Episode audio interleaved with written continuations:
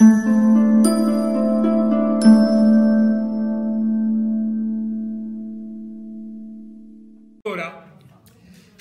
chi realizza questi moti rivoluzionari? No? Questi moti rivoluzionari sono realizzati da società segrete perché segrete? Perché si è visto l'esperienza di Babef, che è il primo che ha lanciato la società segrete, si è visto anche gli errori che ha commesso e quindi si riprende quello stile e quell'esperienza.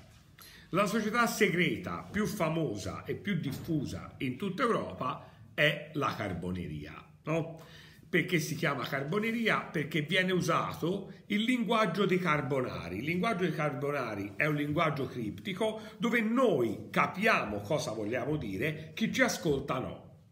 Chiaro? Quindi serve per mantenere questa segretezza. In, nella carboneria il programma, come Babef aveva teorizzato ma poi non è riuscito a fare, si conosce davvero a strati. Quindi l'apprendista non conosce il programma che conosce il maestro, il maestro non conosce il programma del grande maestro e quindi alla fine in questo principio di affiliazione eh, se qualcuno viene arrestato non può dare eh, tutte le indicazioni. La carboneria si diffonde tantissimo negli ambienti borghesi, medici, eh, eh notai, avvocati, militari, stipendiati, perché è un modo per continuare quel processo rivoluzionario a favore della borghesia che era iniziato nel 1789.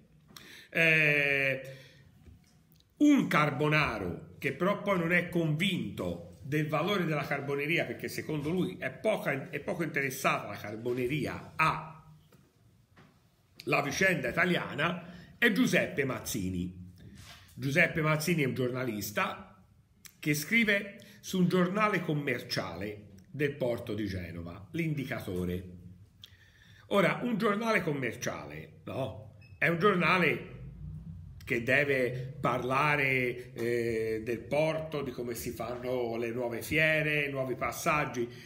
Mazzini riesce a trasformare questo giornale con un'abilità incredibile in un organo politico a favore dell'unità italiana e Mazzini ha un'idea molto chiara, l'Italia deve unirsi nella forma repubblicana, via la monarchia.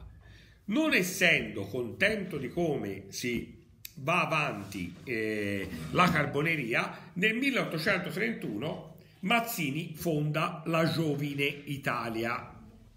Mazzini la Giovine Italia la vede come, perché lui vede l'Italia come in un fermento perpetuo, vede l'Italia come in un processo rivoluzionario, l'Italia che non sopporta più gli austriaci, l'Italia che non sopporta più la monarchia, l'Italia che ha voglia di unità, l'Italia che ha voglia di repubblica. Sono tutti sentimenti veri per Mazzini.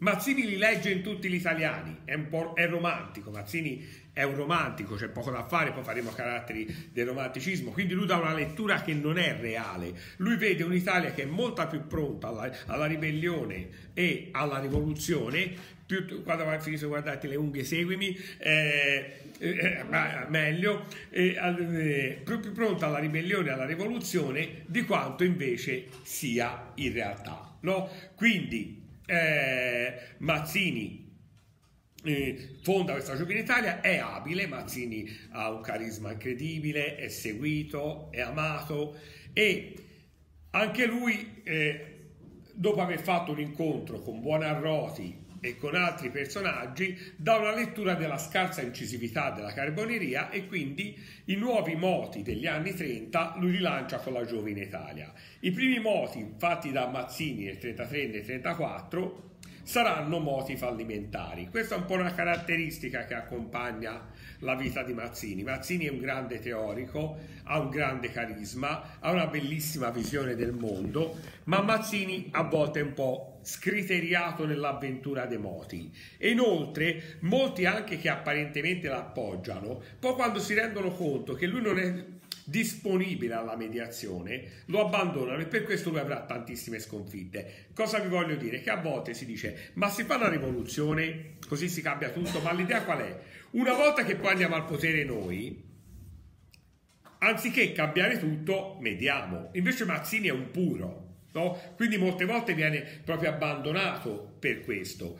Eh, no, nonostante i moti, i primi moti mazziniani eh, siano dei fallimenti, lui non si scoraggia, è costretto a emigrare, sceglie l'esilio, eh, perché lui poteva scegliere tra l'esilio o una specie di confino, sceglie l'esilio, va in, prima in Svizzera, poi in Francia, poi in Inghilterra e fonda tra il 34 e il 36 la giovine Europa. Cioè Mazzini ha proprio la visione che bisogna levare i re, le monarchie che sono il cancro del mondo da tutta Europa.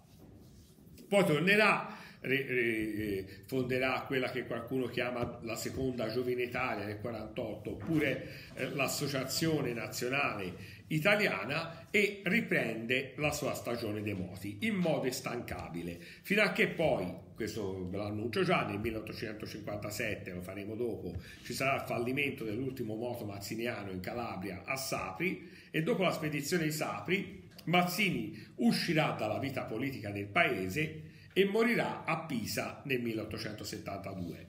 Qual è uno dei paradossi dell'unità italiana? Che Mazzini dal 1861, data dell'unità d'Italia, al 1872, data della morte di Mazzini, sarà un ricercato, dovrà muoversi sotto falso nome.